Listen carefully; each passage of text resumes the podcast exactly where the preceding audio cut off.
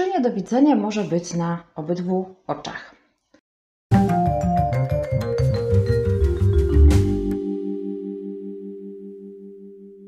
Dwa tygodnie temu mieliśmy nagrania dotyczące niedowidzenia. E, rozmawialiśmy o tym, czy zasłanianie wystarczy, czy terapia jest naprawdę potrzebna i rozmawialiśmy o wielu aspektach. I pojawiło się pytanie e, od czytelnika, e, czy niedowidzenie może być na jednym i drugim oku.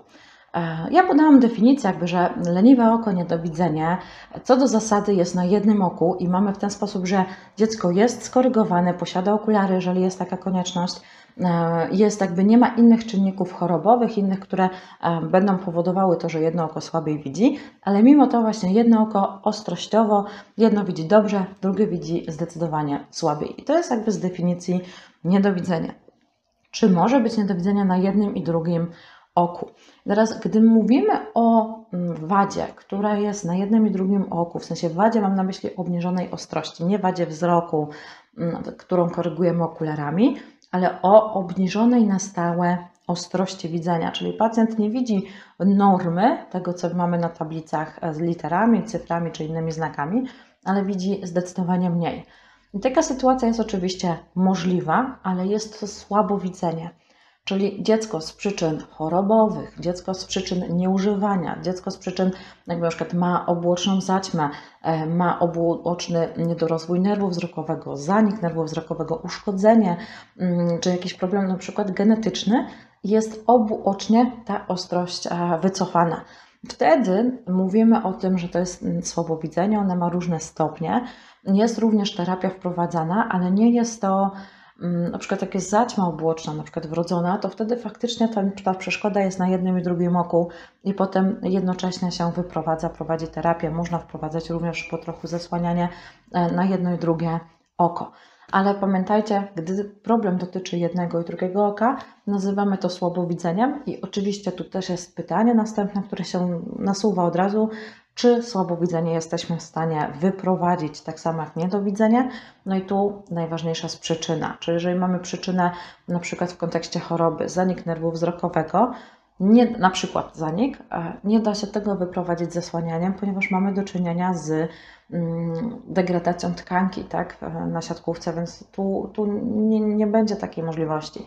E, gdy mamy na przykład do czynienia z, z zaćmą obłoczną, to po usunięciu soczewek e, tak, i wszczepianiu następnych bądź używaniu korekcji, no to będziemy mieć szansę na to, że siatkówka poprzez stymulację będzie zwiększała swoją, mm, swoje możliwości i to widzenie będzie wracało do normy. Więc będziemy mieć tu w zależności od tego, z jakim przypadkiem mamy do czynienia, tak będziemy mieć. Um, takie będziemy mieć rokowania.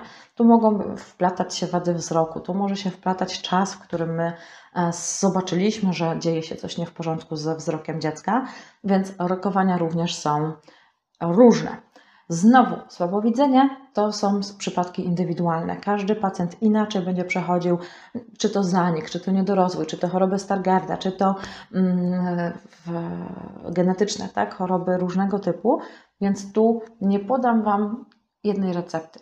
Musicie znaleźć specjalistę, który Was zbada, który będzie prowadził również terapię i który powie Wam, będzie obserwował i będzie na bieżąco mówił, jak faktycznie mm, wygląda Wasza sytuacja.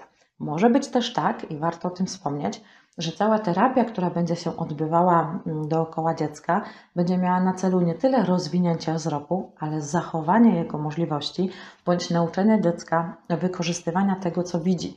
Więc mamy też taką drugą stronę, i tutaj też i optometrysta, i ortoptysta, ale również rehabilitant widzenia i również tyflopedagog może przyjść Wam z pomocą. Zatem dzisiaj mamy to rozróżnienie, że mamy niedowidzenie i mamy słabowidzenie i pogłębiliśmy troszeczkę mm, ten temat. E, była konferencja na te, na te tematy. W linku pod, pod nagraniem będziecie mieć zapisy, tam są trzy dni. Tematy dotyczące słabowidzenia, niedowidzenia, wad wzroku, terapii, jak to się prowadzi, one tam są wszystkie poruszone. Więc jeżeli e, macie ochotę, zapiszcie się, te nagrania przychodzą automatycznie, możecie zobaczyć tę konferencję, ona jest całkowicie bezpłatna dla Was, więc serdecznie zapraszam. A na YouTubie widzimy się już za tydzień na następnym wtorku z optometrystą.